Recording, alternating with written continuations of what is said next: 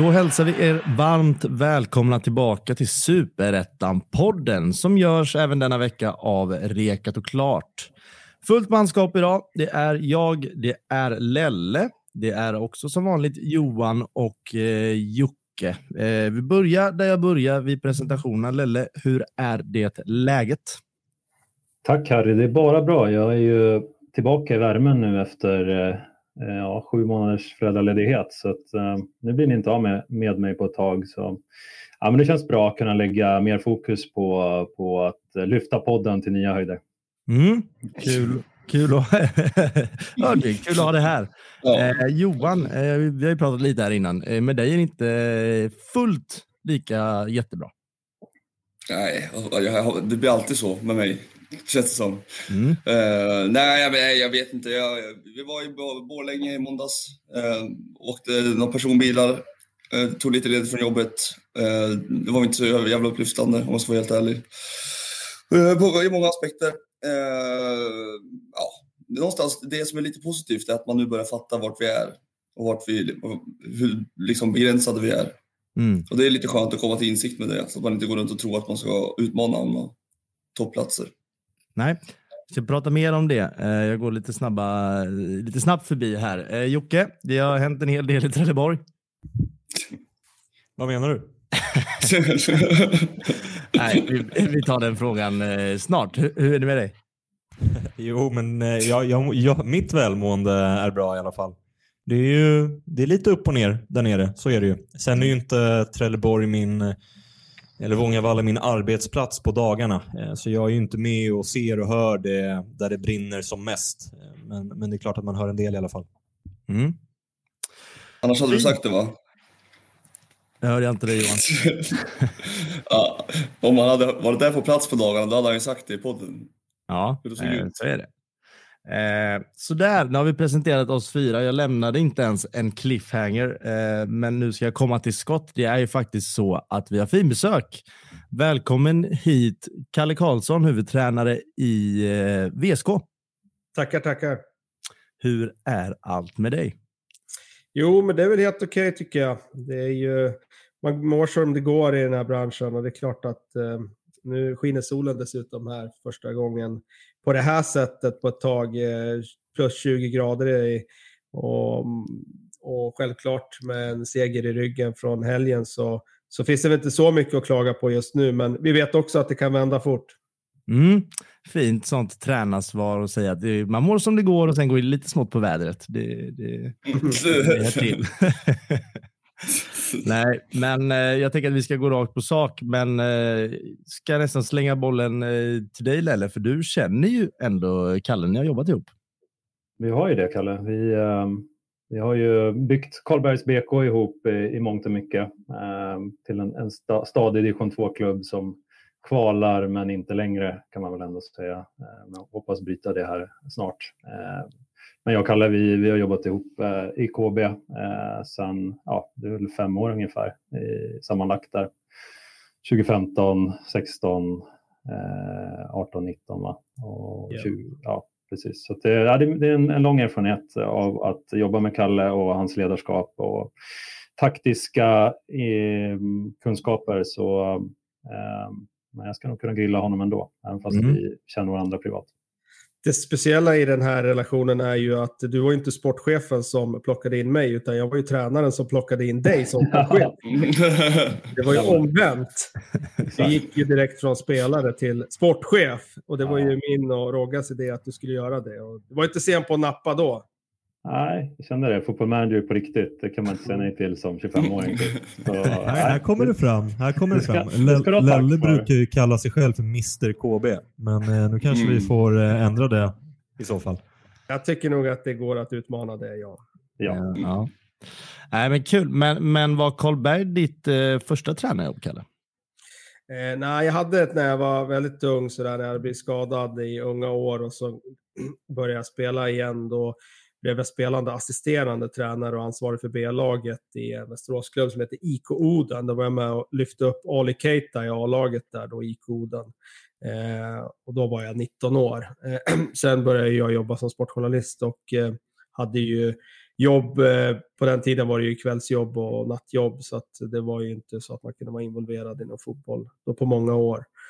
Så att ehm, det var i, Karlberg var inte mitt första. Eh, Nej. Sen kom jag in i Karlberg när jag flyttade till Stockholm som spelare först. Jag gjorde en säsong som spelare i Karlberg när jag flyttade till Stockholm. Och, eh, och då hade jag en, eh, en koppling till den klubben. Mm. Och din, eh, om man bara så för de som inte känner till din, din liksom Wikipedia-sida, vad, vad, är, vad är det? Det är ett stopp till va, innan Västerås? Eller hur ser det ut?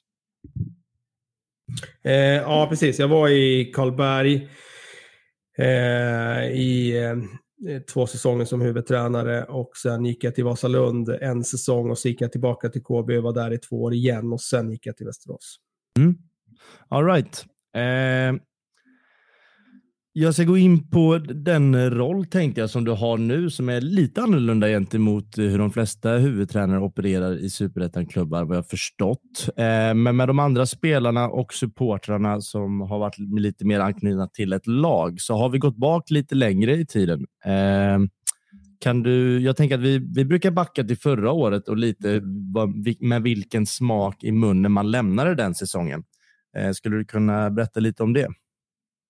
Eh, nej, men vi lämnade ju säsongen på, med en väldigt, väldigt positiv känsla. Och det var ju för att vi avslutade så bra. Jag tror att vi var eh, två efter BP om man räknar tabellen de sista tio omgångarna. Eh, så eh, känslan när vi gick ut från hösten var ju positiv. Sen var ju fjolåret eh, till vissa delar väldigt, väldigt tufft. Det var ju en period där på våren när vi eh, ja, den karaktäriserades ju av eh, några matcher där vi tappade ledningar i slutminuterna och det präglade ju våren och sommaren. Det var en, det var en tuff period. Sen hämtade vi ändå styrka i, liksom i både i ledarteamet och i spelartruppen av att under den där perioden så tyckte ju vi ändå att vi spelade väldigt bra.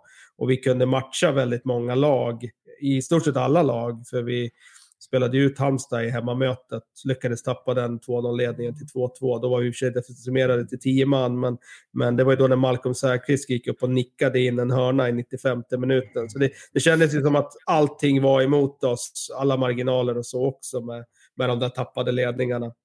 Eh, men eh, det, det, fjolåret var liksom en berg och dalbana, men vi gick ut från säsongen med en väldigt, väldigt bra känsla. Vi vann ju fem av de sista sex matcherna, men det var inte bara resultatmässigt, utan tyckte att vi, vi var väldigt stabila som lag, både försvarsmässigt och, och um, anfallsspelet satt egentligen hela säsongen, för vi, vi gjorde ju tredje mest mål i superettan. Försvarsspelet var ju inte alls bra på våren.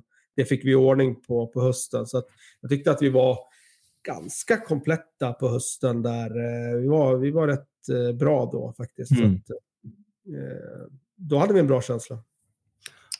Jag undrar lite, alltså vad gjorde ni för att komma ut den här mentala barriären, ska säga? Det var ju så många men, poängtapp och det måste ha slitit enormt på psykena. Vad, vad gjorde ni för att ta er ur, ur det? Det var den absolut största utmaningen som man har ställts inför. Det ska jag villigt erkänna. Eh, vi vände och vred på, på allt som vi kunde vända och vrida på.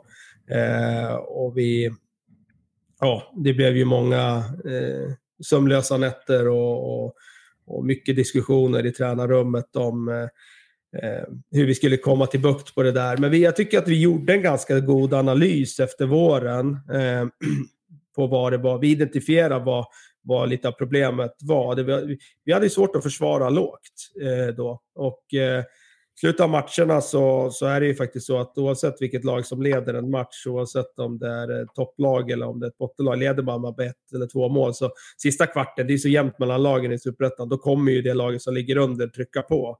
Och vi var för dåliga i egen box. Och det vi gjorde då, eh, rent konkret var ju att vi, vi bytte ut vår eh, mittförsvarare. Vi, vi sålde ju Jesper Adolfsson till Mjällby.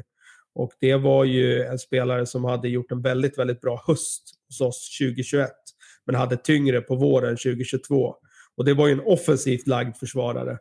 Eh, extrema spetsegenskaper med boll. Men hade inte liksom den delen i det låga försvarsspelet som vi eftersökte. Så vi sålde ju honom till Mjällby för en väldigt låg summa. Och det var ju många när, när det kom ut som var väldigt eh, frågande kring hur vi resonerade kring det. Men, men vi, jag känner nog att vi visste vad vi gjorde när vi, när vi gjorde det. Vi växlade ut honom och, och tog in en fysisk mittback och vi kände väl att vi eh, fick en, en bra träff på de egenskaperna vi ville ha in. Eh, han är en rent defensiv försvarare, Fredrik Nasabiun vad heter han. Och han eh, värvades ju då på sommaren. Sen var det ju lite strul med hans arbetstillstånd som det brukar vara. Och så det dröjde ju någon månad extra innan han var spelklar. Men, men den eh, förändringen gjorde ju att vi, eh, vi fick eh, vi fick en pjäs i eget straffområde som, som kunde nicka undan bollar som vi tidigare hade lite problem med att få undan bollar i egen box. Sen fanns det ju de mentala aspekterna kan jag prata jättelänge om. Jag tror inte vi har tid med det i den här podden, men det är klart att det, det fanns mycket i att vi behövde få spelare att ta mer eh, kollektivt ansvar ute på planen. Man kan inte bara se liksom, sin egen roll, utan man måste också ta, ta ansvar för vad, vad liksom lagkompisen som jag spelar bredvid gör och hur man reagerar i vissa situationer på baklängesmål mot liksom, motstudsar och motvind och allt vad som kastas mot sen i en fotbollsmatch. Det kan ju vara allt från domslut till andra saker. Vi var för dåliga på att hantera den typen av saker och vi, vi gick neråt. Och tyckte att vi, vi, vi växte som lag. Många spelare växte av de motgångarna. Eh, och, tuffade till sig. Eh, sen fick vi in eh, inte bara eh, Fredrik på sommaren, vi värvade också in eh, Martin Gambos på sommaren och, och, det var en mittfältare som vi där och då verkligen behövde. Han var en, eh, duktig på att eh, vinna bollen och väldigt intensiv i sin spelstil. Det var också egenskaper vi behövde.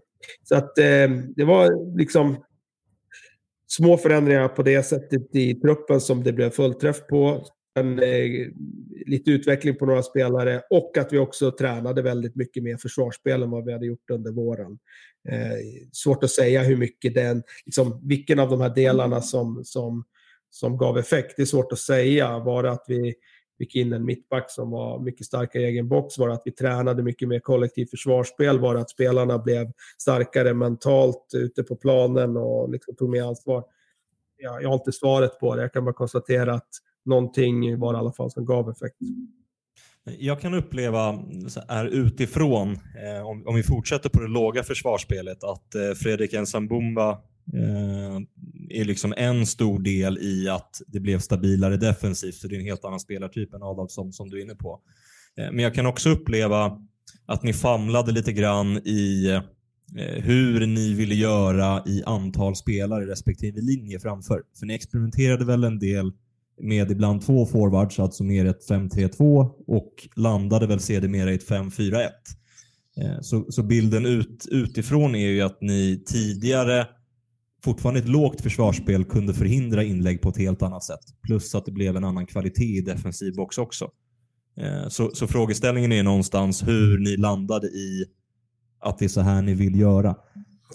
Ja, men det var ju lite eh, som du har identifierat. Vi, vi blev lite svaga i ytterzonen när vi spelade 5-3-2 tyckte vi. Vi kom inte ut riktigt, fick inte press riktigt där ute och bollen kom in lite för enkelt. Eh, vi hade ju spelat det i ett par år, eh, redan under Thomas Askebrand som, som var min företrädare hade vi spelat det. Och då hade vi en annan typ av mittförsvarare med, så de som spelade då var ju Jean Sabetkar, David Engström och, och Lagerbjälke till viss del. Och de var ju väldigt starka på att stå och bara nicka undan.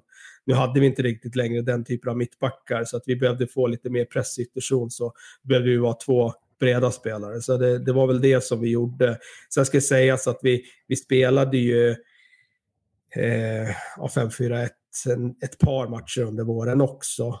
Men då fick vi inte riktigt träff med det så. Men vi, på hösten så landade vi mer i att vi skulle försvara oss på det sättet och det, eh, det passade oss bättre tyckte vi. Mm. Rätta mig om jag har fel, men 2021. Eh, jag minns vi mötte er, jag tror det var första matchen man fick ha publiken. Uh, och jag tyckte att ni var, alltså ni spelade ut oss fullständigt. Vi, jag tror vi vann med 2-0 till slut. 2-1. Men det berodde, ja 2-1 kan det ha blivit ja. Men, och det berodde väl på att, att ni inte gjorde mål helt enkelt. Det var väl det, den enkla förklaringen. Tahali gjorde ju vad han ville och, och så. Men upplevde du då att ni hade kommit så pass, alltså, tänkte du att fjolåret skulle ha, att det skulle ha varit längre fram eller att det skulle ha varit kanske där ni är idag redan i fjol? Absolut inte. Jag förstår att det var lätt att tänka så, men man får också komma ihåg att tappar man en spelare som Ta Ali så lämnar det ett helt otroligt tomrum. Vi tappade ju dessutom Erik Björndal. Det var ju de mm. två spelarna som den hösten bar vår offensiv. De gjorde ju i stort mm. sett eh, hela vår offensiv den hösten. Och så de två eh, liksom, spelarna tappar vi.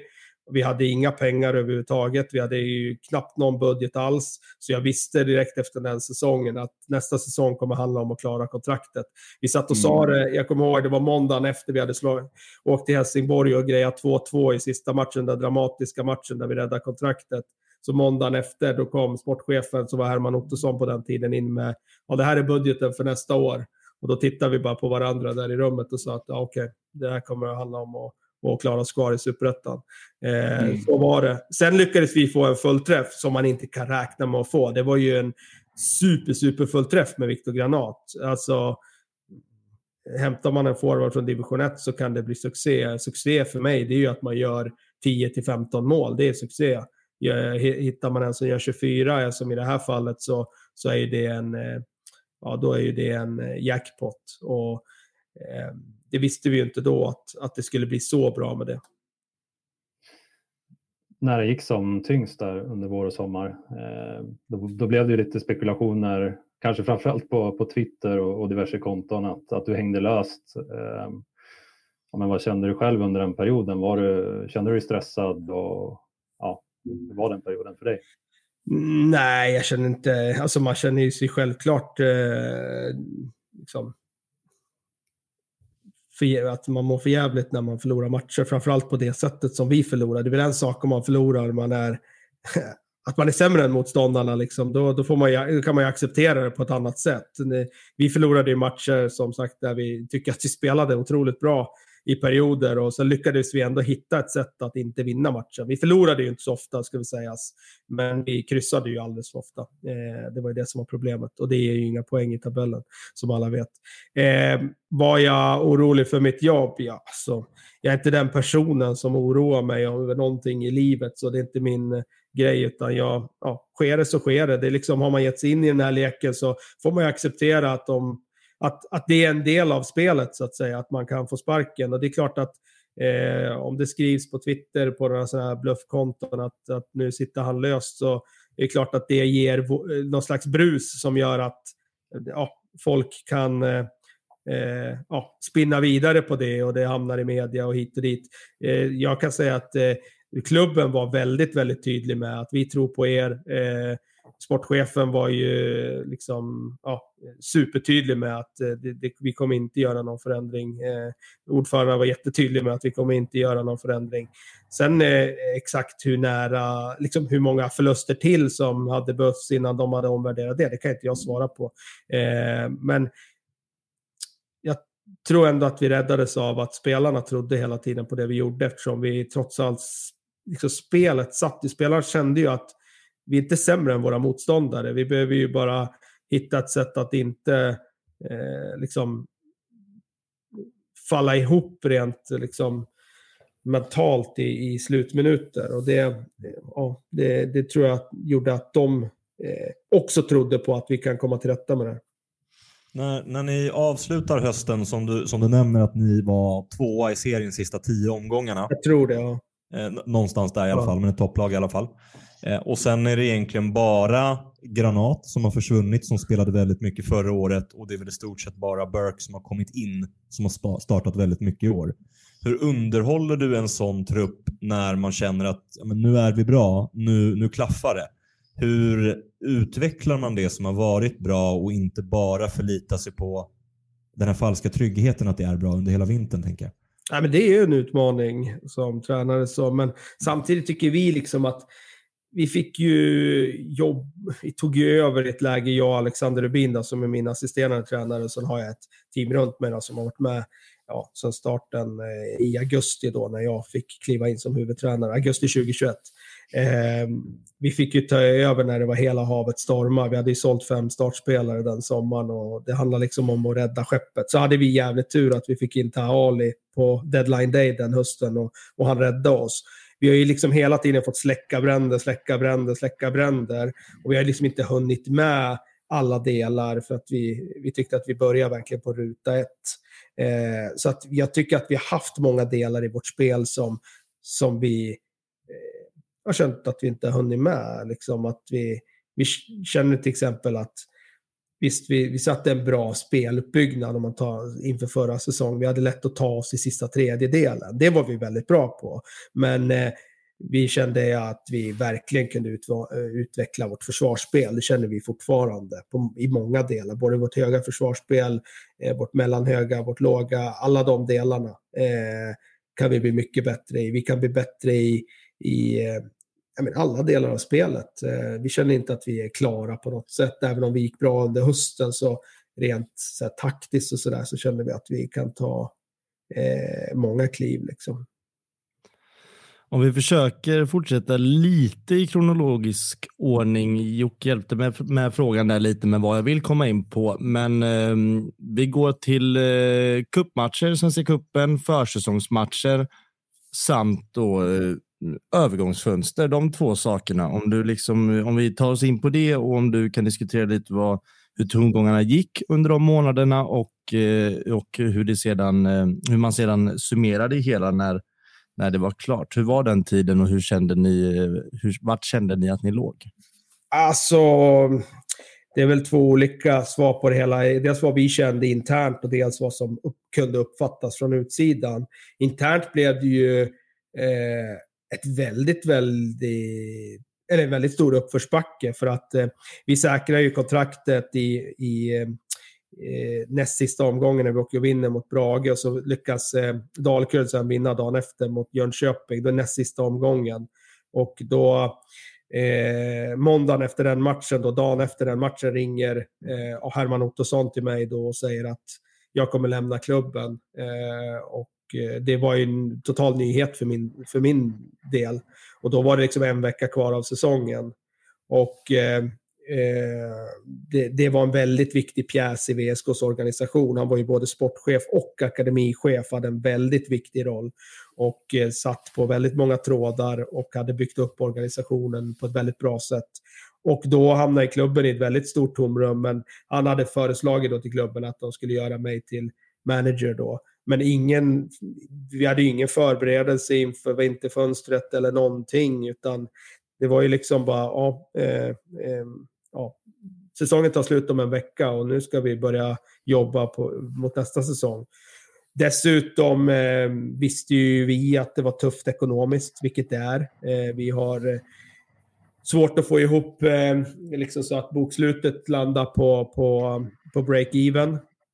Gjorde förlust under förra säsongen till exempel i, eh, med flera miljoner. Eh, så att vi visste att vi gick in i ett väldigt tufft eh, läge. Sen eh, eh, lyckades vi ju säkra några pjäser som, som ville stanna och, och vara kvar hos oss. Och det var vi väldigt tacksamma för. Pedro Ribeiro, Herman Magnusson, Simon Geffert och Martin Gambos. Den kvartetten hade utgående kontrakt. Och vi lyckades knyta upp dem. Eh, och det gav ju en väldig skjuts. Och det gav ju också signalen utåt i Västerås om att ja, vi, vi har behållit laget från i höstas. Sen visste väl alla att Viktor Granat skulle säljas. Men det gav en väldigt positiv känsla in i hela vintern. För, eh, och då pratar jag inte bara laget utan hela stan. Så att ja, men eh, för en gångs skull kan VSK ha lite kontinuitet. Det har inte den här klubben haft på 25 år tror jag. Eh, och, Eh, så det, var, det, det, det kändes positivt. Sen sålde vi Granat där precis på andra sidan nyår. Det var ju planenligt. Han ville lämna, eh, vilket var naturligt. Han 28 år, hade gjort sin livssäsong och allsvenskan lockar såklart. Eh, och vi behövde pengarna. Eh, så att eh, det var liksom, ja, det blev en eh, ja, eh, bra lösning för alla parter. Även om man givetvis i den bästa världen, i en utopivärld, hade man ju såklart velat behålla honom. Men, men det var inte realistiskt. Eh, men vi hade ju klar, kvar i stort sett hela laget och sen eh, gick vi in i cup, eh, första träningsmatchen åker vi och vinner borta mot Norrköping med 2-0. Och Miguel Sandberg, en 0-2 som inte spelar speciellt mycket i fjol, gör båda målen i den matchen. Vi har eh, Eh, akademispelare som är ute på planen, gör väldigt bra. Eh, blev en jätteboost. Nästa träningsmatch vann vi med 3-0 mot BP. Eh, körde över dem i den matchen faktiskt. Och det är klart att eh, träningsmatcher är träningsmatcher, men det är klart det gav oss en, en rejäl boost. Och sen in i kuppen började vi med 1-1 borta mot AIK. Så att, äh, men det var väl, det, liksom, vi fick en bra skjuts in i säsongen. När, när man tittar på alltså din roll både som tränare och som sportchef, hur, hur funkar det egentligen i praktiken? Om man pratar om en sån spelare som eh, eh, ja, men Max Larsson, eh, som eh, om han håller sig skadefri så kommer vi ju se honom på en eh, hylla högre upp på sikt med all sannolikhet. Hur, hur värderar man att spela en sån mot att eh, man kan, det är där man kan göra nästa storförsäljning mot då liksom Gevert och Åslund och de som spelar just nu? Nej, jag skulle inte säga att vi eh, värderar det speciellt mycket, alltså att vi sitter och tänker så, utan vi tittar i, eh, givetvis har vi en strategi på att vi, vi behöver ha försäljningsbara spelare eh, och vi behöver spelare med liksom andrahandsvärde och, och det är klart att vi, alla klubbar på den här nivån och även i allsvenskan behöver ju ha försäljningar så. Eh, men det är inte så att vi tar ut laget utifrån det, det, det ska jag inte säga, utan vi, vi Eh, Eh, vi blickar ju eh, lite mer kortsiktigt än så skulle jag säga. Sen finns det ju självklart en strategitänk över hur vi behöver bygga truppen och så vidare kring hur vi, eh, vi behöver vi behöver ha unga spelare med andrahandsvärde med tanke på att vår intäktssida är en av de lägsta i superettan, vilket är helt sjukt när vi kommer från en stad med 160 000 invånare, men det är ändå så det är. Och eh, utifrån det så är vår enda, enda möjlighet att ens vara kvar i superettan på sikt är att ha försäljningsbara spelare. Så det kommer vara helt fundamentalt. Men jag ska inte säga att, att eh, vi laget tar, vi har ingen AIK-grej att vi, ett visst antal spelare ska, ska vara unga på planen eller sånt där. Det, det har vi inget sånt. Varför är det så med intäktstiden? Förlåt. Eh, Eh, jag skulle säga att det är en eh, lång diskussion som drar sig långt tillbaka i tiden. VSK, har inte, VSK Fotboll har inte lyckats bygga upp det förtroendet i den här stan för att de senaste 30 åren så har det varit för mycket kaos i den här föreningen.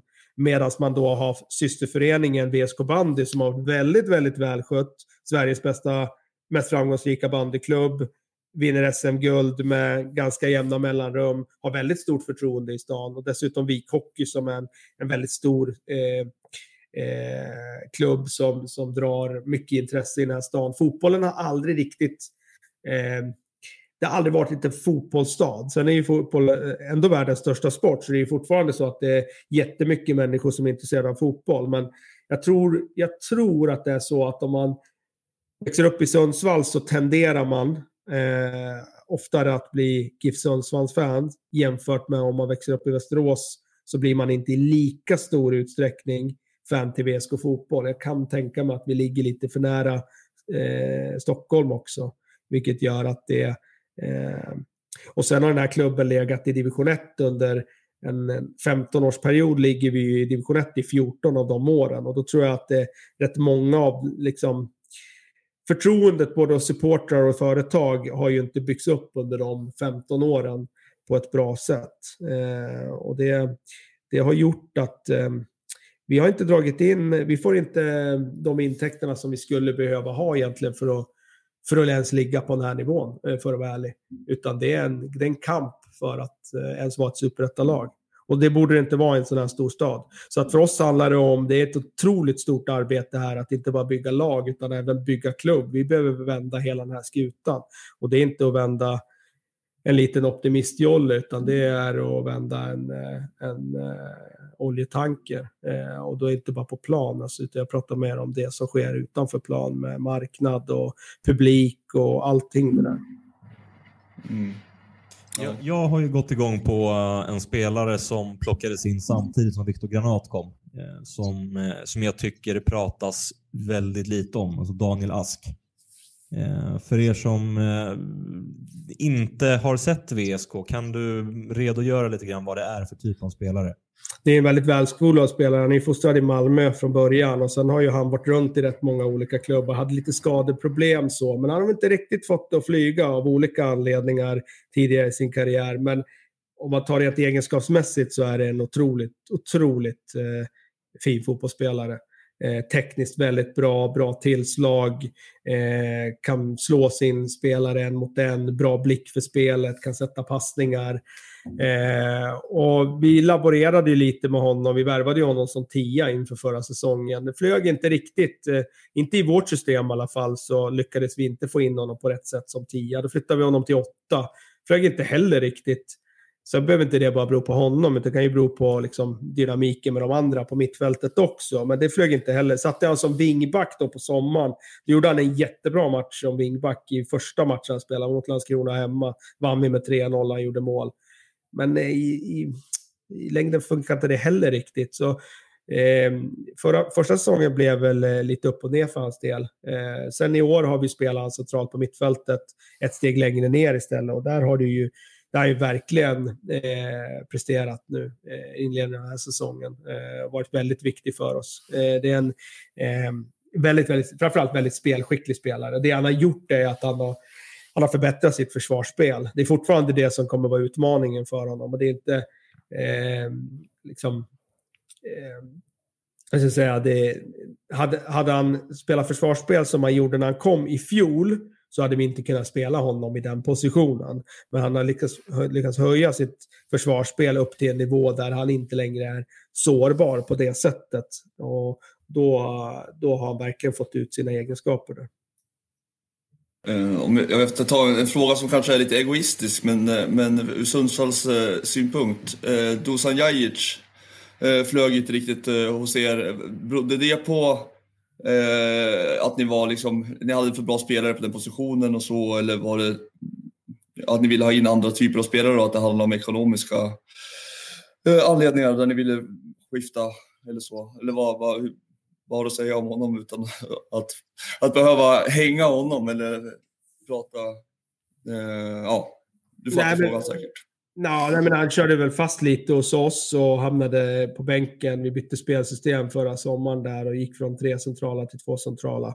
Och eh, eh, han, han, av den, eh, liksom, det skiftet så blev han överflödig hos oss och eh, han behövde en nytändning och, och, vi hade inte plats för honom längre. Så det blev en bra lösning att han, att han lämnade. Det blev bra för mm. alla parter tror jag. Ja. ja, jag tror att han eh, kan göra jättebra. Alltså, hos oss jag tror jag han kan bli nyttig. Men, eh, ja, eh, det är ju bra. Han har gjort många matcher för att vara så ung också i Superettan. Känslan. Mm.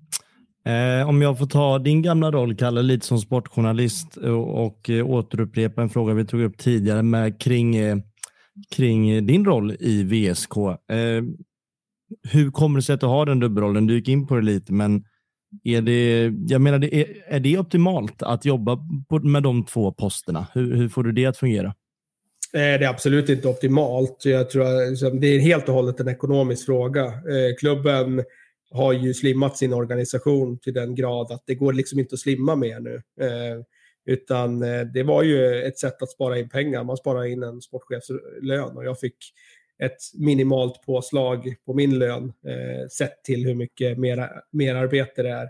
Eh, så det är inte optimalt. Sen har jag ett väldigt bra team runt omkring mig också, vilket gör att jag kan delegera mycket av mina saker. Jag känner mig trygg med det och de jag jobbar med är duktiga och ambitiösa och, och lägger väldigt mycket tid på VSK. Så det är inte liksom på, på något sätt, ja utåt sett kanske det framstår som att det är en one man show liksom, men det, det, är det inte utan jag, jag jobbar ju i i det, i det tränarteamet vi har så, så bollar vi väldigt mycket kring strategival och, och värvningar. Allting går i, igenom de filtrerna som finns där och det, det har ju varit väldigt framgångsrikt hittills. Vi, vi tycker att vi, vi träffar rätt med många beslut. Så. Eh, och så jobbar vi även när Herman Ottosson var sportchef så, så var det inte så att han jobbade ensam utan han jobbar väldigt tätt med tränarteamet kring vilka spelare vi skulle värva och allt sådär. Hur jag får ihop det? Ja, jag har en förstående sambo hemma, det är nummer ett. Och, och, och så. Eh, det måste man ju ha. Eh, sen har jag eh, ja, livet är ju väldigt inrutat. Jag hinner inte med någonting. Jag har ju två småbarn dessutom som är två och fyra. Så att jag, mitt liv är ju liksom, det är VSK fotboll och mina, min familj. Jag hinner inte med någonting annat. Och det, det förvånar ju säkert många som eh, ja, känner mig från ett annat forum tidigare att eh, jag tittar ju inte ens på Premier League längre. Eh, för det har inte jag tid med.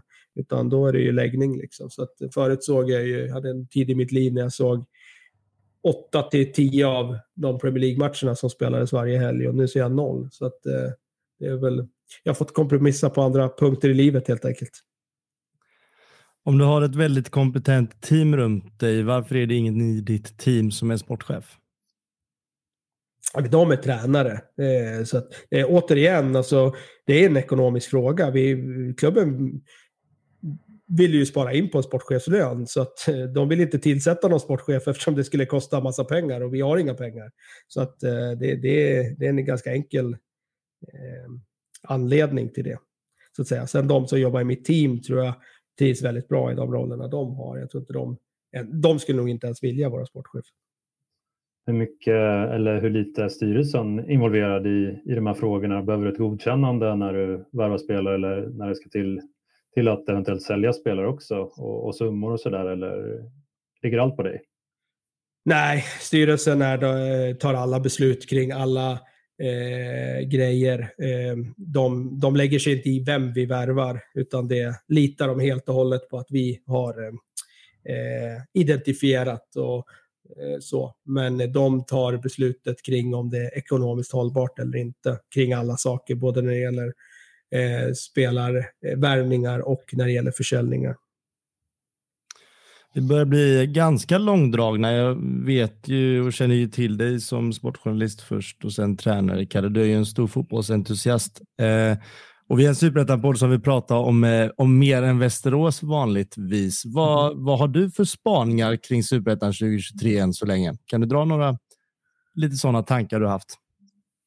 Eh, och jag har inte tänkt så mycket sådär. Det är ju ganska tidigt in i serien så. Eh, som vanligt en nykomling som kommer upp med, med den där eh, eh medvinden och entusiasmen och kvaliteten ska ju sägas i guys. Eh, nu har ju folk lärt sig det där att det är en nykomling som alltid kommer gå jäkligt bra och ligga i toppen. Eh, det dröjde några år. Det, det krävdes ett Landskrona, ett Värnamo, ett, eh, ett BP och sådär innan folk fattade att det kommer alltid vara en nykomling som som är riktigt, riktigt bra och överraskar. De känns ju starka, måste jag säga. Eh, sen har det väl varit eh, ja, eh, så, precis som förväntat. Liksom. Varje match är ett krig. och vi eh, vann övertygande senast mot, mot Gävle, men, eh, men eh, jag känner ändå sådär att eh, det är ingen match man går säker i. Och å andra sidan, det är ingen match som man känner att vi kan inte vinna den här heller. Så det var, en, det var en jävligt svag spaning helt enkelt. Jag, jag, har, ingen, jag har inte reflekterat så mycket av serien. Jag kanske gör det lite längre in i serien. Mm. Västerås har du full koll på. Vad, nu ligger ni tidigt på säsongen men, men ni har en bra försäsong bakom er, en bra start på, på seriespelet. Eh, spelet klaffar i stort. Eh, vad talar för att eh, ni kommer hänga med hela vägen och liksom Tror du att ni kan vara ett topp tre-lag när vi summerar säsongen?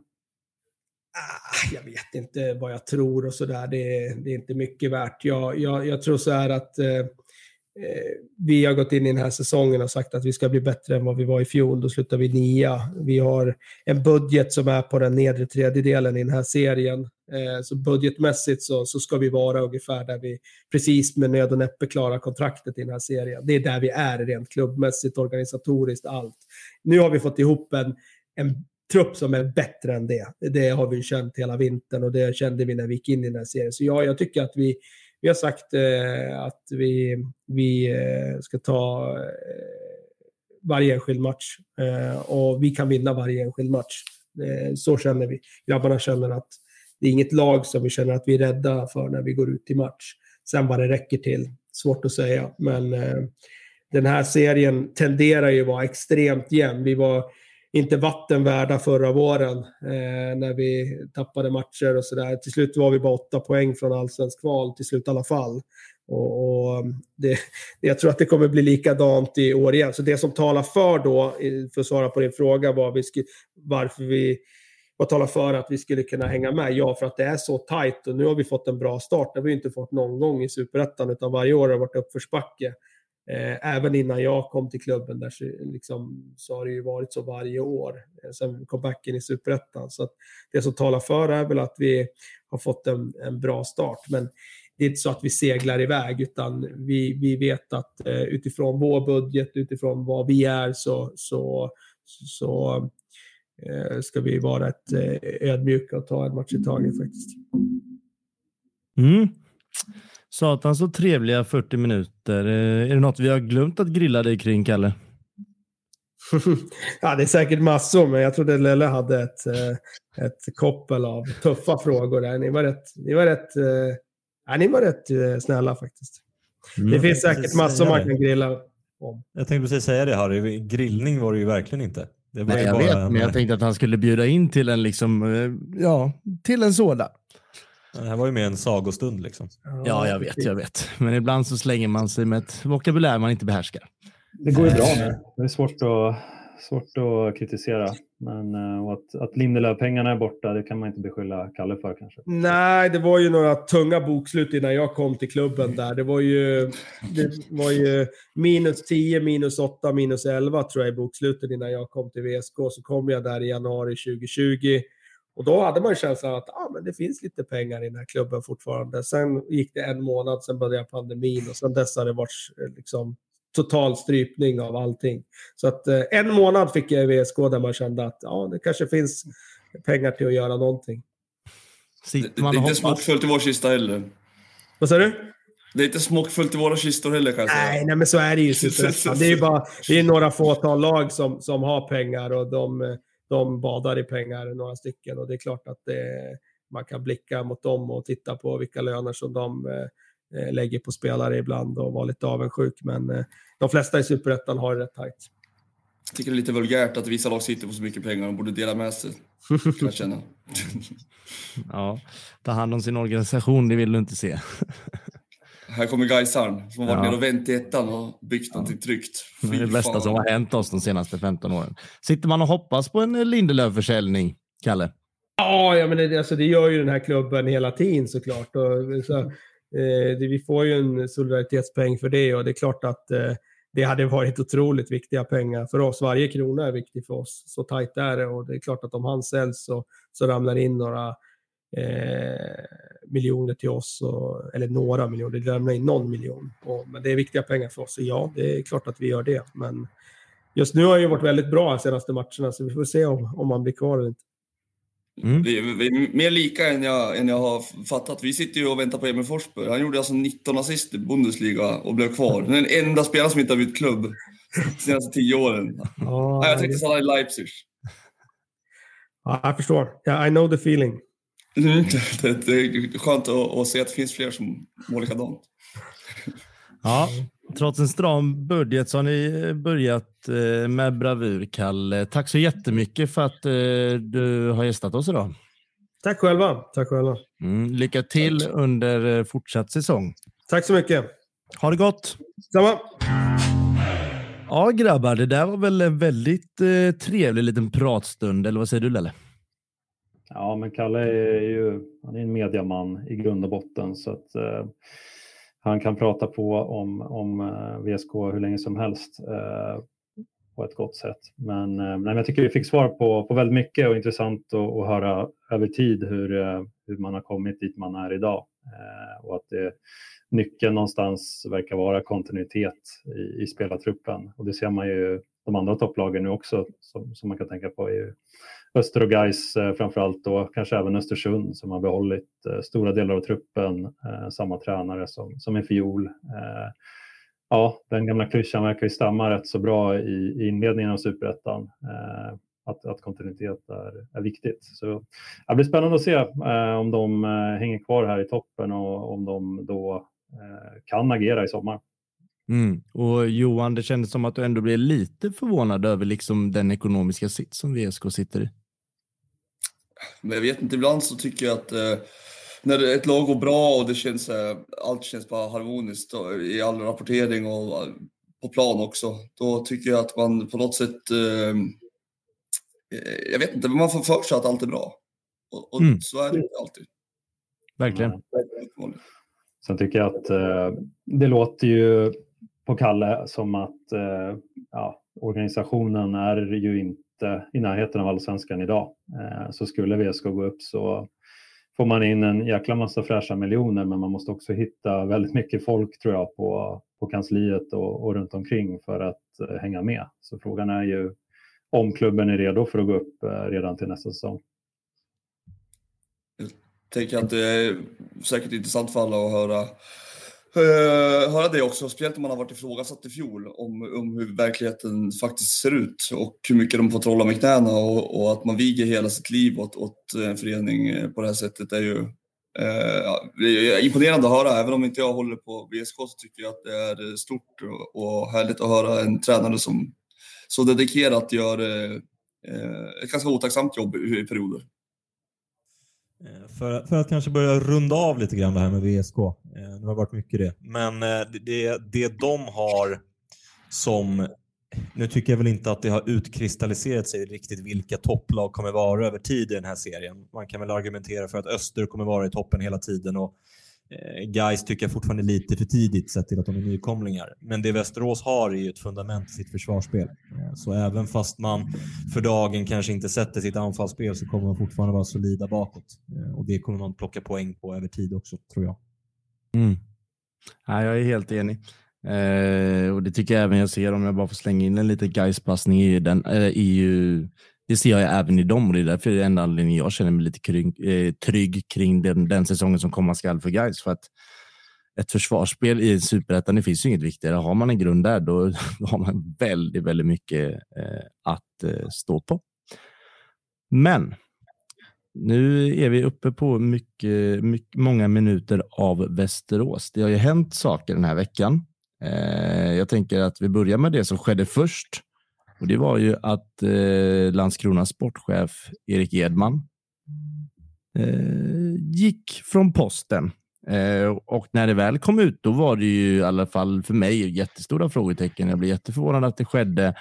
Eh, sen har vi väl kollat runt lite och vi alla har fått ganska liknande svar från de olika personer inom den här världen eh, som vetat någonting. Eh, jag vet inte vem jag ska delegera ordet till, för det känns som att alla har haft lite input i det här. Men, men jag går till dig Lelle, så får vi se om du, vad, vad du har att säga om det som skedde och vad du har hört.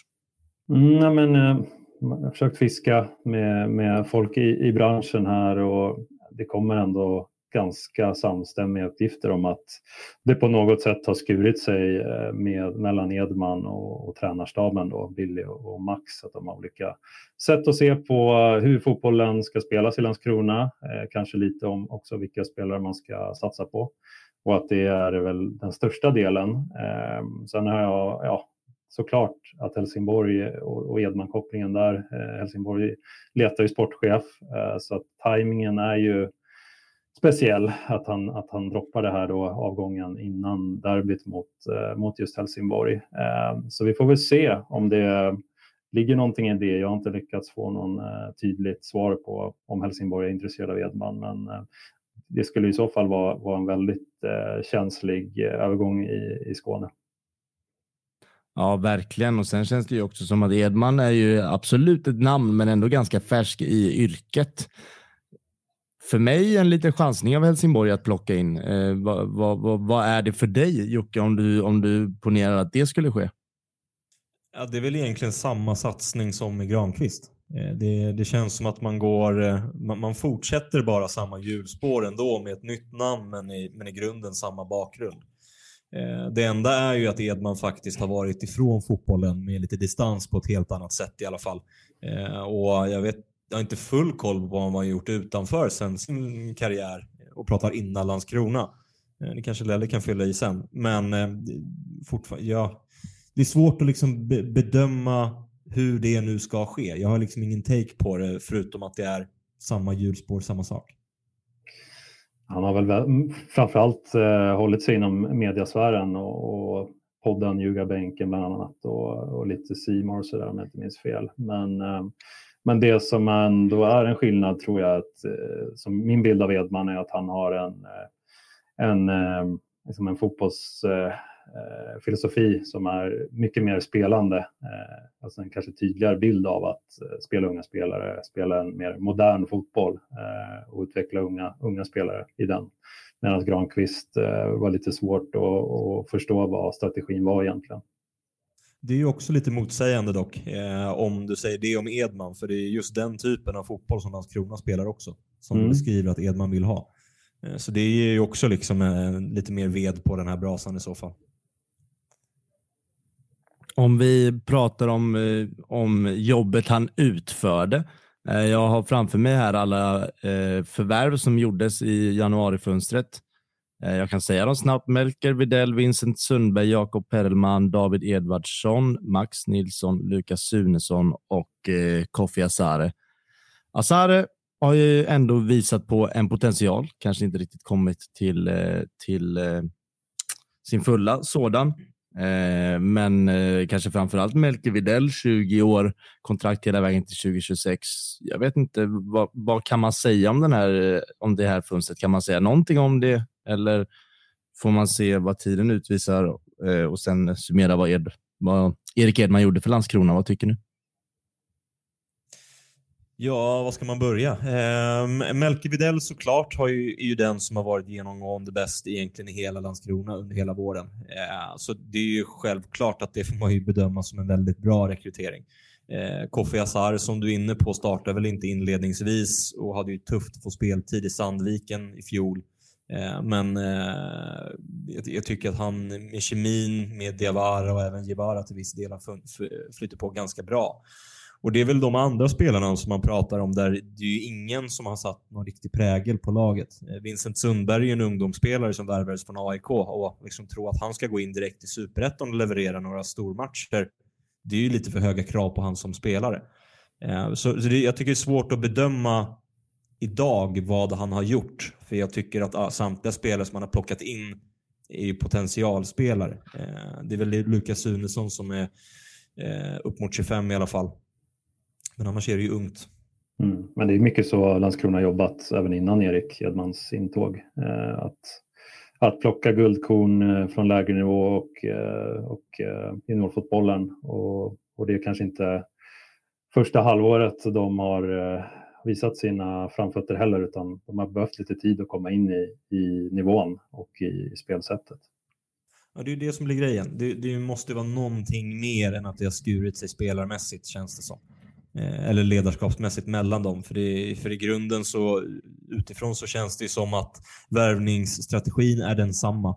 Eh, spelartyperna som de har värvat är på sikt eh, spelare som kan fylla de skor som de har tappat, men inte i dagsläget. Mm. Johan, av det vi har sagt, var det något annat du har fått till det eller känner att vi har fyllt i allt, eh, eh, allting kring, kring Edmans avgång?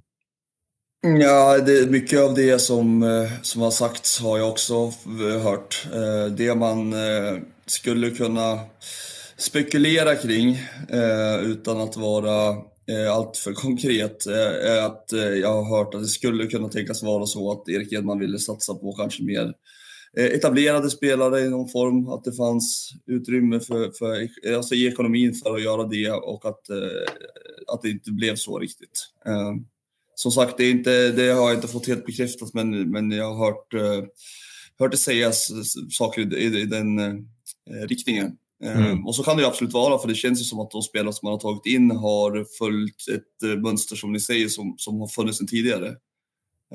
Så att jag vet inte om man kan bedöma Erik Edmans gärning överhuvudtaget på den här korta tiden. Liksom, eller? Mm.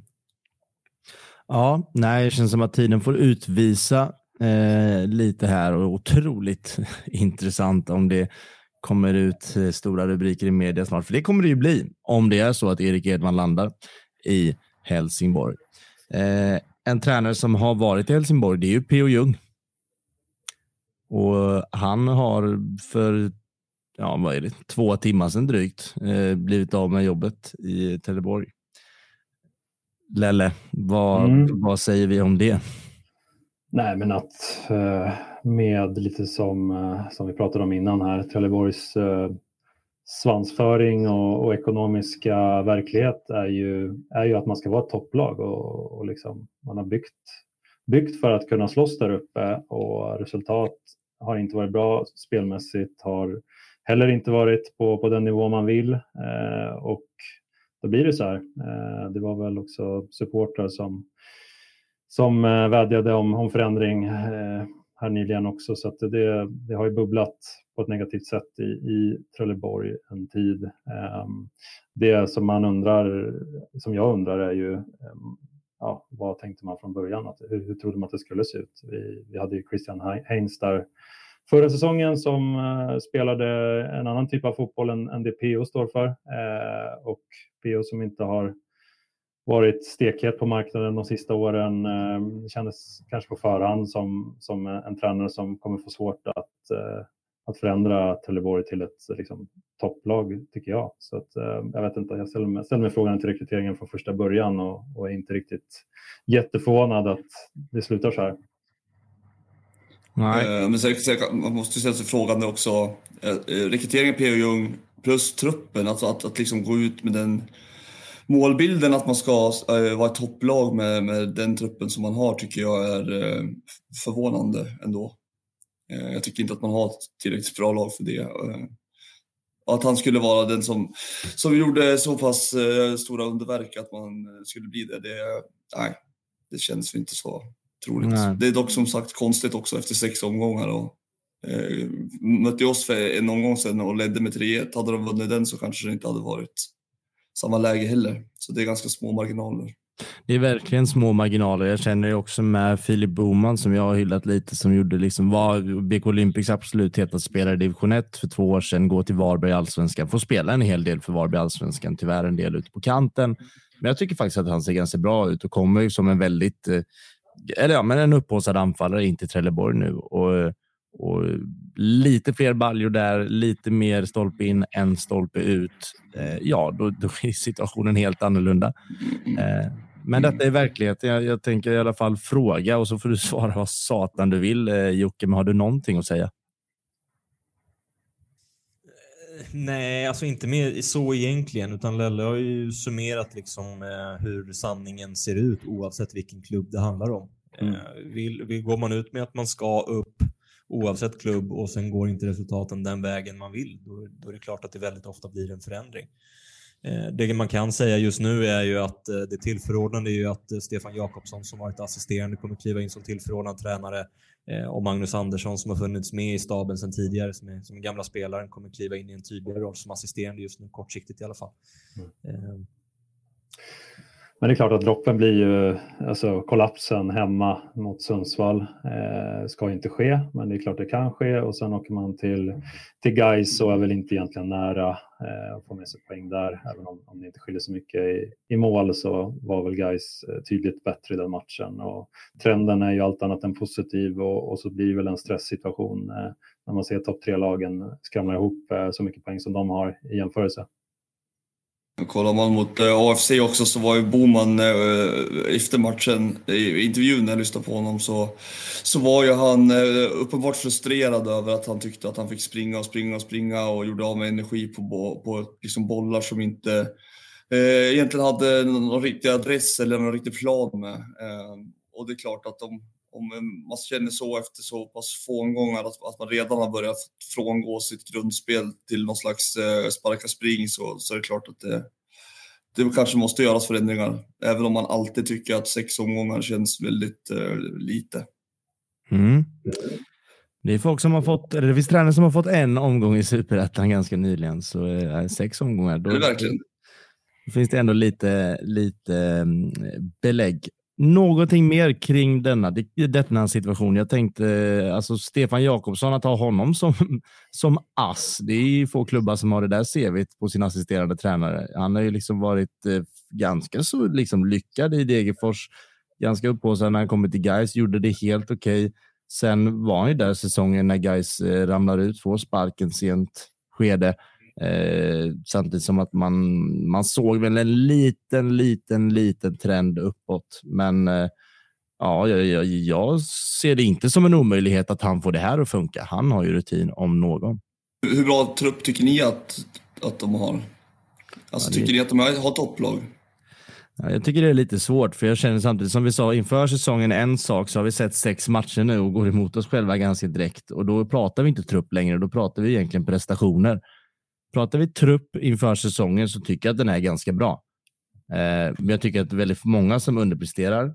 Eh, lite som att vi pratar om att Helsingborgs trupp var väldigt bra inledningsvis. Sen några omgångar senare pratar om att deras trupp inte räcker. Jo, men det är för att deras prestationer är dåliga. Då ser den ja, ju dålig ut. Eh, och ja, så jag har säkert sagt emot mig själv också. Ja, men det gör jag med. Jag med. Jag med. Det är väl lite ganska bra kontinuitet i, i Trelleborg också egentligen, förutom på, på tränarsidan. Då. Ehm, och man tycker att Offia, eh, som i fjol, bränner ju väldigt mycket fortfarande. Ehm, där borde man kunna få ut mer och sen så har väl inte Nicolas Mortensen, eh, Jocke du har bäst koll, han har inte kommit ut till, till startlinjen va? Nej, helt skadad hela säsongen hittills. Ja, jag tyckte ändå att han... Helt skadad, det är Helt skadad. Han var med i Svenska cupen. Ja, men en, eh, jag tyckte väl ändå att man såg att det fanns kvalitet hos honom förra året. En, en riktigt stark boxspelare. Eh, vilket ja, Boman kanske också förväntas vara. Men, men eh, äh, det är klart, men jag tycker inte man kan skylla på skador heller. De, de borde kunna få ut mer av, av den truppen.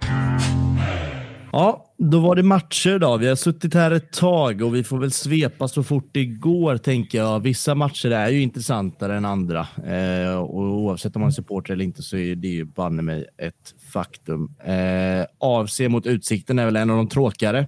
1-1 där. Två lag som i min mening inte så jättemånga bryr sig om. Eh, matchens inramning och eh, intensitet blev väl därefter. Eh, Johan, eh, räcker det så? Ja, för den här tiden. Då hoppar vi till en minst sagt roligare match. Eh, ett Östersund som har, eh, har chockat oss, får man väl ändå säga, och ett Jönköping Södra som i alla fall inte chockat mig med att de har blandat och gett, för det känns som att de gör varje år. 3-3 i den matchen. Det var lite fina mål. Det var en rolig match, Lelle, eller vad, vad, vad kände du?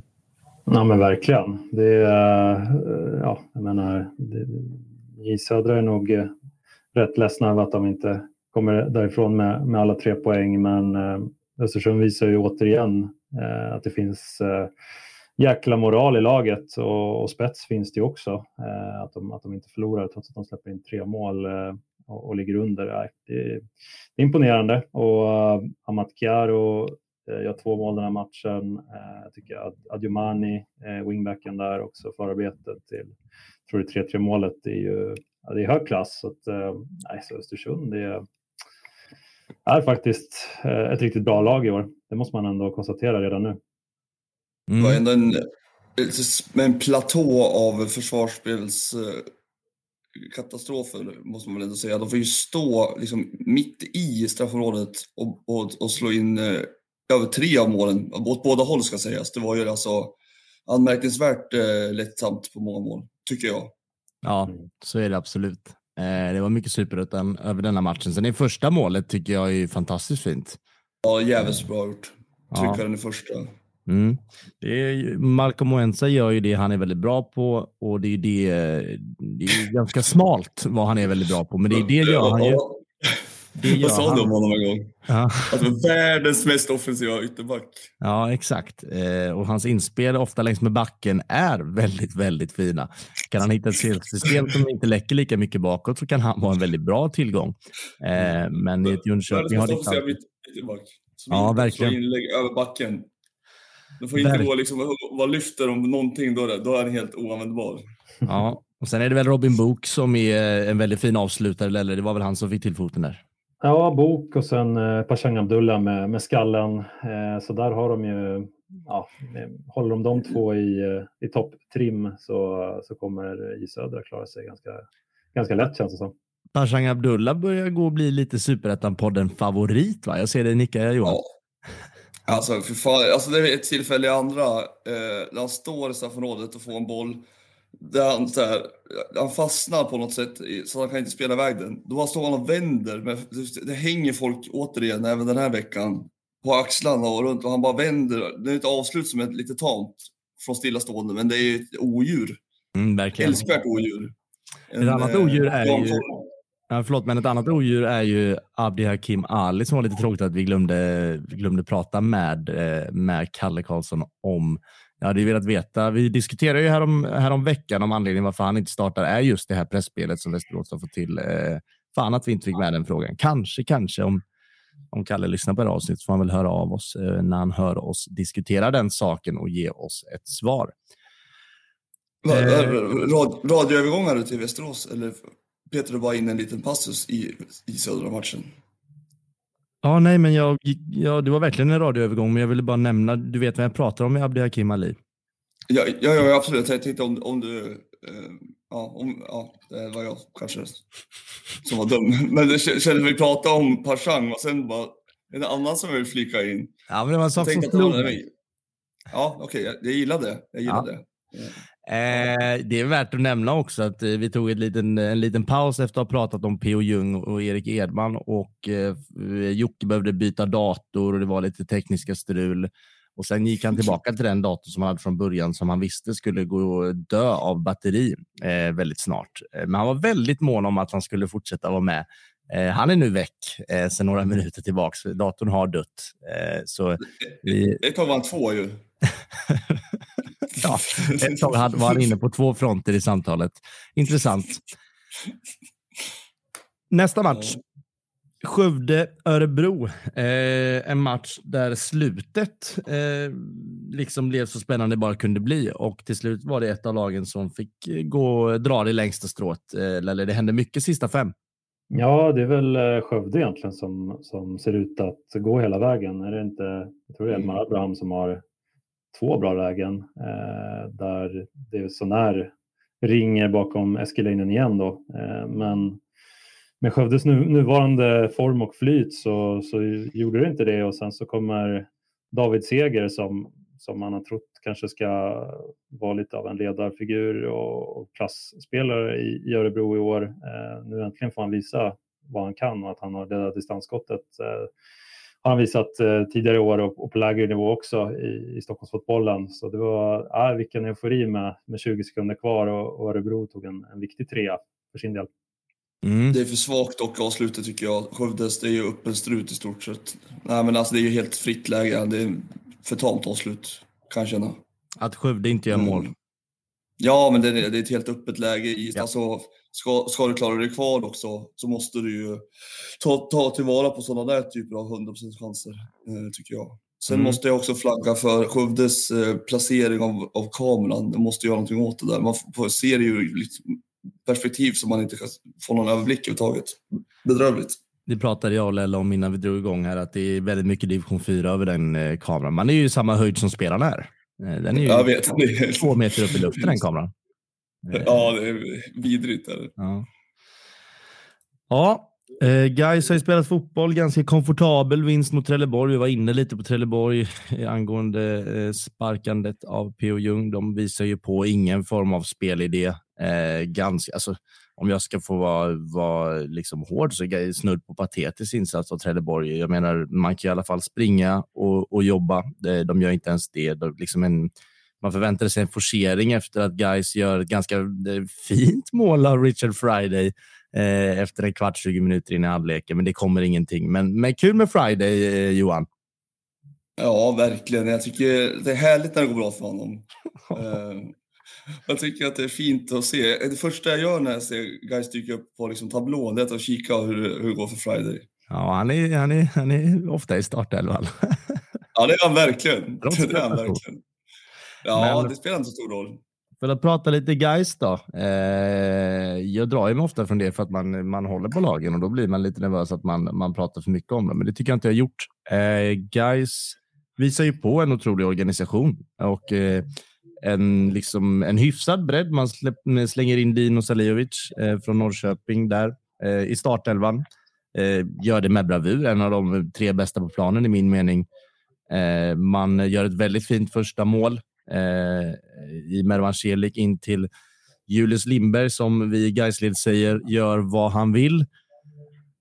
Det ser och känns väldigt bra i Gaisled just nu och jag tror det beror väldigt mycket på just det faktum att man har en väldigt bra hög press, man har ett väldigt stabilt försvarsspel, man släpper in max ett mål per match eh, och gör man då bara två så, så är det väldigt enkelt att spela fotboll. Tänk om alla andra hade vetat om att det bara var det som krävdes. Ja, men ibland kan man ju faktiskt klia sig i, botten, i hårbotten och tänka, vet ni om detta? Ja, nej, nej ja, vi, vårat, vårat lag vet absolut inte om det. Men det är jättebra att få höra det från andra. Ja. Nej, men Guys sitter i en sits nu. De har ju två spelare som faktiskt, om man får säga det i superettans perspektiv, rosar marknaden. Eh, Julius Lindberg sitter ju på utgående, Joakim Måberg sitter på utgående. Eh, båda de eh, är det absolut klubbar som kollar på just nu och skulle de försvinna från Geis, den ena Julius Lindberg kanske redan i sommar, då ser det faktiskt ganska farligt ut. Joakim Åberg har man mer positiva tongångar kring att en, en förlängning inte alls är omöjligt. Eh, jag vet att du hade, hade hört lite också om det, eller, eller hur såg det ut där? Ja, men precis. Eh, gällande Julius, Julius så eh, har det ju stått en hel del sista, sista tiden här om, eh, om scouter på, på både hemma och bortaplan. Så att han följs ju av, av väldigt många klubbar, både i Sverige, allsvenskan och, och utomlands. Medan Åberg eh, har gått lite under radarn kanske. Eh, lite av en så Simon, Simon Gustafsson-spelare eh, på mittfältet. Extremt viktig för det laget och som jag vet att tränare Holmberg håller väldigt högt. Eh, eh, vad jag har hört så, så har både IFK Norrköping och IFK Göteborg eh, lite ögon på honom. Sen är ingenting nära vad jag förstår eller konkret. Men, men som du säger, det är en spelare som dominerade mot Blåvitt i kuppen och det vore konstigt om de inte fick upp ögonen för honom där. Eh, och sen sitter han på ett avtal som, som gör att han är gratis efter säsongen. Så han kan nog ändå tänka mig eh, bli kvar året ut. Eh, i och med att det inte är en poängspelare på det sättet och, och lika spektakulär. Men, eh, men Lindberg, eh, där kan det nog hända något i sommar. Guys eh, kanske känner att man vill ta in de pengar som man kan få också. Eh, samtidigt så sålde man ju Ibrahim till, till Norge eh, inför säsongen så att eh, det finns ju, finns ju lite deg. Mm. För första gången på 12 år finns det faktiskt lite, lite deg. Mm. ja, men det är sant. Det är den första försäljningen vi gör som är mer än typ 50 lax. Alltså, det, det är helt sinnessjukt vad guys inte har slussat spelare vidare. De senaste jag skrattar av igenkänning bara. Ja. Mm. men, eh, nej, men jag tycker nog ändå att vi ska kreditera tränare Holmberg extremt mycket av den här framgången. Dels som han tar sig an fjolåret i ettan Eh, men också på sättet man, man spelar eh, väldigt liksom, solid fotboll och högt tempo och samspelta. Eh, det är ett kommande, kommande tränarnamn på hög nivå tror jag också. Mm. Ja, jag menar i Gaisled är ju Holmberg någon som vi alla håller otroligt högt. Det är ju bevisligen ganska rimligt. Eh, Joakim Åberg likadant. I Gaisled har han ju väldigt, ganska länge nu varit en spelare som liksom, eh, ja, en supporterfavorit minst sagt. Eh, som liksom, en sån som man verkligen lägger märke till om man kollar varje match. Eh, men kanske inte lika mycket om man kollar fem matcher per säsong. Eh, och jag vet, jag vet ju, eller du hade ju också kanske hört lite mer positiva tongångar kring honom. Jag har ju hört i mina led, men de är ju inte alls objektiva. Men du hade ju också hört av, av personer i branschen att där kanske det finns lite mer optimism kring att om det går så bra som det gör och att allsvenskan kanske, kanske, kanske, om man vågar säga det, närmar sig lite att han inte alls är omöjlig att få behålla. Nej, men jag har förstått att han trivs extremt bra i, i Gais och att eh, han, eh, han verkligen tror på, på Holmberg och det projektet som man, man har just nu. Eh, slitna ordet projekt, men, eh, men Gais har ju allt annat än mått, mått bra eh, förutom de sista två åren. Då efter omstarten. Så nej, men jag tror att han eh, kommer väga sina val noggrant och inte helt omöjlig för att förlänga, särskilt om man ligger kvar i toppen och verkligen går för, för allsvenskan. Mm. Och sen i hans ålder, han är född 98, är jag ganska säker på. Samtidigt som om man gör två riktigt bra säsonger och ser sin kanske livs chans att gå, mm så får man också se det som sin lite livschans att man just nu presterar när man, och liksom, att man har kommit upp på den här nivån ganska sent i sin karriär och att då också finns en ganska stor risk att göra ett miljöombyte. För tydligen har det ju inte slagit tidigare, så den här liksom enorma talangen var ju inte där som ung.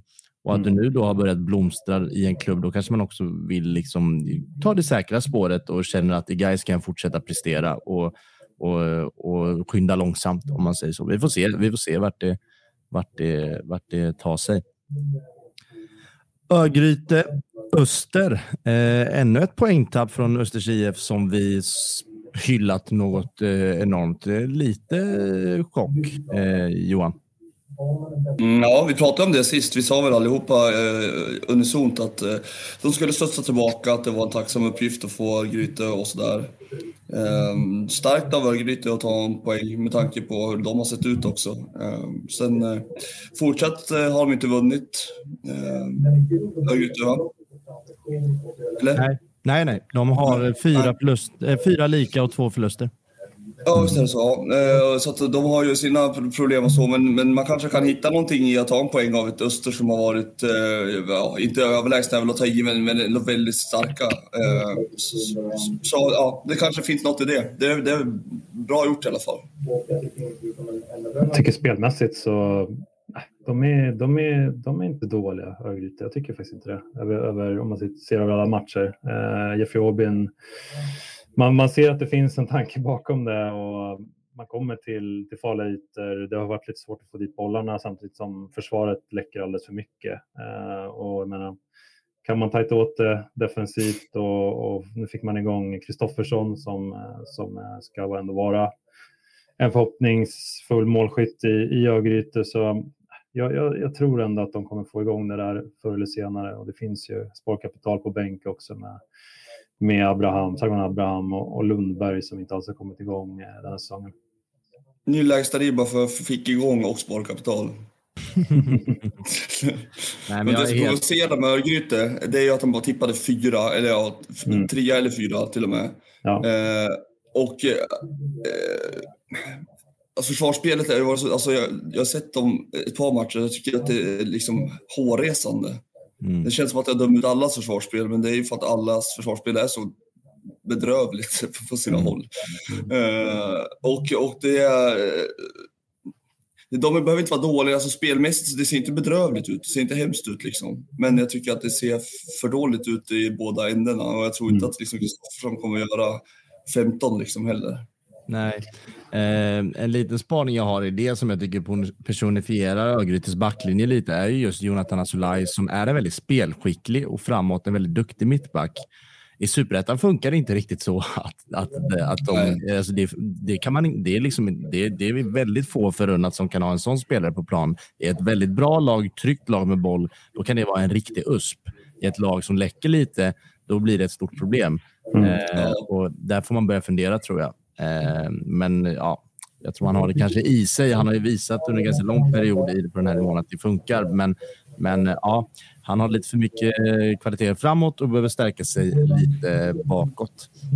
En sista grej där i alla fall att vad jag har hört så, så har Jeffrey Aubin stöd eh, internt både, både från spelare och klubb att det, det ska inte vara något som är nära eh, att ligga på honom att eh, som förra året där det blev tränarbyten och så, utan man, man tror på Jeffrey Åbyn. Sen eh, har jag förstått att man är ute och letar en sportchef nu. Eh, det, det, är lite tunt i, i organisationen. Eh, varit en del rockader som har kostat mycket pengar, eh, men där behöver, behöver man få in en, en trygg person också med ett kontaktnät för att bygga något eh, som kan göra Örgryte starkare på sikt. Mm. Ja, det ska bli intressant med Öster också. Jag menar, man har, man har två straffar i den här matchen och ganska mycket lägen. Man får inte riktigt till det. Eh, och sådana matcher kommer det komma. Nu är Jesper Westermark avstängd i nästa omgång. Starke Hedlund är också avstängd i nästa omgång. Man möter Geis. Eh, ja, vi får se hur det går i nästa vecka. Eh, men det är ett väldigt avbräck i framförallt Jesper Westermark där. Nu ska vi prata Giffers och eh, vi blev inte så, så långsamma som vi hoppades på. Så jag vill inte ta din tid eh, Johan, men jag säger det bara att vi har hållit på länge. Jag vill inte ta er tid heller med att prata Giffers. Uh, jo, nej, men det är väl, det är väl uh, någonstans uh, som jag sa tidigare att vi är väl här liksom. vi, vi har inte en trupp som är tillräckligt stark och vi har liksom inte satt eh, ett spelsätt eh, en som är tillräckligt stabilt för att uh, ta poäng kontinuerligt. Liksom. Uh, jag tycker att, uh, att Dogge har jättebra filosofi och allting och man måste ge honom tid. Sen, väldigt många av de här spelarna har varit kvar nu flera år och släpper in många mål på väldigt enkla sätt år efter år och match efter match. Eh, och det kan liksom inte längre bero, på tredje tränaren. Liksom. Eh, det måste vara kvalitetsmässigt som det saknas saker. Och, Eh, de har tagit in, eh, Lundgren, eh, han är inte tillräckligt bra. Han åkte ur med Norrby i fjol. Theo Stenshage som jag tycker är kanske bäst mittbacken på så här långt under säsongen. Han sitter på bänken nu. Ja, jag vet inte, det, det är lite så. Det är inte bedrövligt. Vi är stora stycken kanske bättre än vad Brage är spelmässigt och så, men, men i slutet av dagen så, så ger vi bort två mål och då måste man göra tre. Ehm, och det kan man inte göra jämt.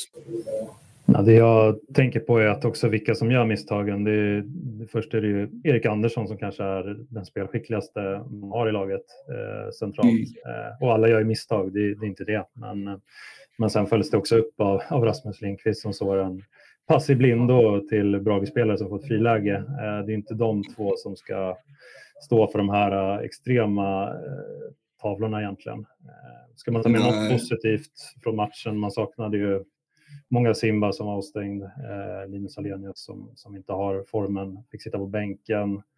Eh, men man kommer ändå till ett 20-tal avslut, eh, vilket ju ändå är ganska bra. Eh, sen om mm. många av de avsluten styr till hörna eller ja, de fastnar på vägen, men ja, de kommer i alla fall till skottlägen och det är väl någonstans det Giffarna kan ta med sig kanske.